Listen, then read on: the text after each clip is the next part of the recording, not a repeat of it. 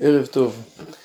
מיכה, פרק א' דבר אדוני אשר היה אל מיכה המורשתי בימי יותם אחז יחזקיה מלכי יהודה אשר חזה על שומרון וירושלים. מיכה הוא הצעיר מבין ארבעת הנביאים שהתנבאו באותו הזמן על פי דברי חז"ל עמוס, הושע, ישעיהו ומיכה כאשר עמוס והושע ניבאו בעיקר לממלכת ישראל בעוד ישעיהו ומיכה בעיקר ליהודה שלושת הנביאים האחרים החלו להינבא כבר בימי עוזיהו, ומיכה מצטרף בימי יותם. וכך אומר מיכה: שמעו עמים כולם, הקשיבי ארץ ומלואה, ויהי אדוני אלוהים בכם לעד, אדוני מהיכל קודשו. שמעו עמים, שמעו כל השבטים, שמעו כל הממלכות, גם ישראל וגם יהודה. הקדוש ברוך הוא הד שאני התריתי בכם. על מה? כי הנה אדוני יוצא ממקומו, וירד ודרך על במותי ארץ, ונמסו הערים תחתיו, והעמקים התבקעו, כדונג מפני האש, כמים מוגרים במורד. זאת אומרת, הקדוש ברוך הוא הולך לצאת ממקומו ולהופיע בהופעה נוראה. התיאור פה הוא תיאור שהערים נמסים, העמקים מתבקעים, יש כדונג מפני אש, זאת אומרת, זאת הולכת להיות הופעה של פורענות. על מה ולמה? בפשע יעקב כל זאת, ובחטות בית ישראל. מי פשע יעקב? הלא שומרון. ומי במות יהודה? הלא ירושלים. זאת אומרת, הנבואה מופנית גם כלפי ממלכת ישראל, יעקב, וגם כלפי ממלכת יהודה, בית ישראל. אבל נשים לב להבדל. פה מופיע פשע יעקב, ופה חטות בית ישראל. פשע זה מזיד. החטא של ממלכת ישראל הוא קשה יותר, שמה כפי שנראה יש עבודה זרה. לעומת זאת ביהודה מוזכרים הבמות, במות אלו במות לעבודת השם. זה קרוי חטא, כלומר זה צד יותר של שוגג. אבל הכתובת זה המנהיגים. מי פשע ביעקב הלא שומרון, עיר הבירה, מלכי ישראל שמונעים את העלייה לירושלים ומאפשרים את העבודה זרה. מי במות יהודה הלא ירושלים, מלכי יהודה שלא הסירו את הבמות עד שיגיע חזקיה ויסיר אותם. ופונה מיכה אל ממלכת ישראל, ושמתי שומרון לעי השדה, למטעי חרם, והיגרתי לגיא אבניה, ויסודיה אגלה. וכל פסיליה יוקטו, וכל אתנניה יישרפו באש, וכל עצביה אשים שממה, כי מאתנן זונה קיבצה, ועד אתנן זונה ישובו. זאת אומרת, ממלכת שומרון תחרב. היא תהפוך להיות לעי, איזה חורבה. יטעו שם כרמים במקום שבו הייתה העיר. האבנים שלה יפלו אל הגיא והיסודות יתגלו, כלומר העיר תחרב כליל. הפסלים יישברו. כל הרכוש שלה שהגיע מאתנן זונה, ילך לאתנן זונה. רוצה לומר, כל הרכוש שלה שנאסף שלא כדין, או האוצרות שהם הביאו לפני הפסלים שלהם, ילכו אל הגויים עובדי עבודה זרה וישמשו שמה את אליליהם. ופה עובר הנביא מיכה לדבר על ירושלים. על זאת אספדה ואלילה, אלך שולל וערום, אעשה מספד קטנים ואבל כבנות יענה. כלומר, כאשר הוא עובר לדבר על ירושלים, הוא סופד, הוא קורע את בגדיו, שולל, הוא בוכה. מדוע? כי אנושה מכותיה, באה עד יהודה, נגע עד שער עמי עד ירושלים. מיכה מדבר פה אל האויב האשורי.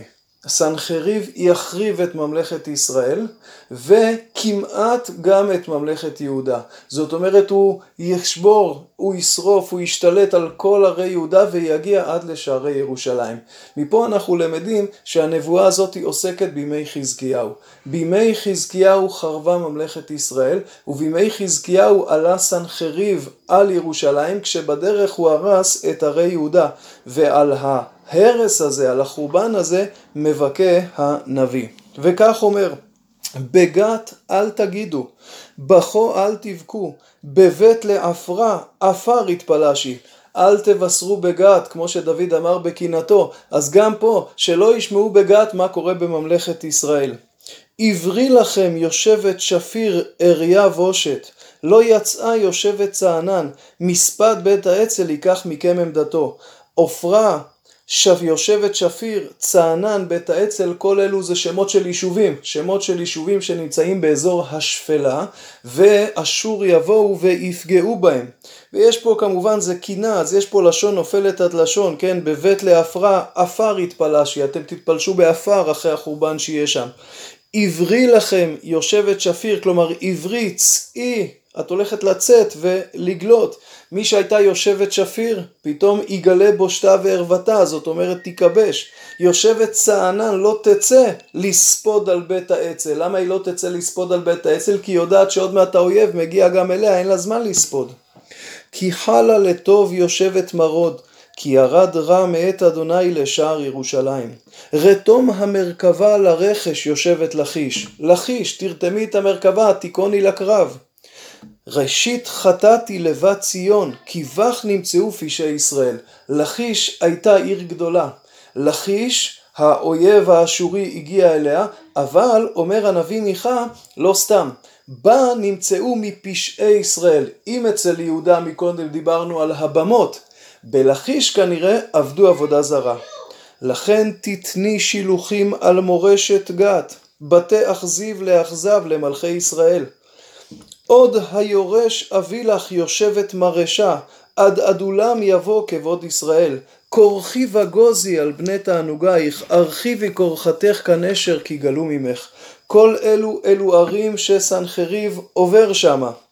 בתי אכזיב הוא מגיע כנראה המסע שלו כפי שעולה פה זה שהוא מגיע אל קו החוף ובא מצפון לדרום עד אזור השפלה ומשם מתחיל לעלות לירושלים כשהוא עובר דרך הרי השפלה מרשה, אדולם, לכיש ומשם מגיע לירושלים. אגב, מרשה ייתכן שזו עירו של מיכה, מיכה המורשתי ולכן מיכה בין היתר כל כך כואב על הדבר הזה. אז אם כן הנבואה הזו כפי שאמרנו עוסקת בימי חזקיהו. ממלכת שומרון חרבה.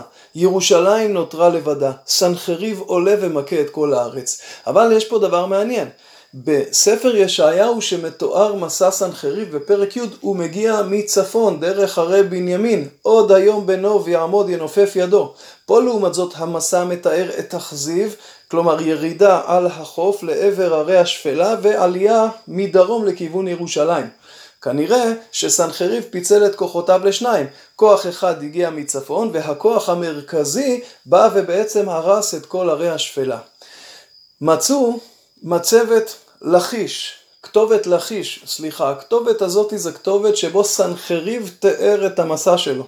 והמתואר שם ממש תואם את מה שמופיע פה בספר מיכה, כאשר הוא מרחיב מאוד בכיבוש העיר לכיש. העיר לכיש הייתה בירת השפלה, העיר השנייה בחשיבותה בממלכת יהודה. סנחריב מאוד מאוד מעריך, מדוע? כי בירושלים הוא כשל, הוא לא הצליח. הפעם היחידה שהוא לא הצליח לכבוש עיר בירה של ארץ שהוא נלחם בה זה היה פה.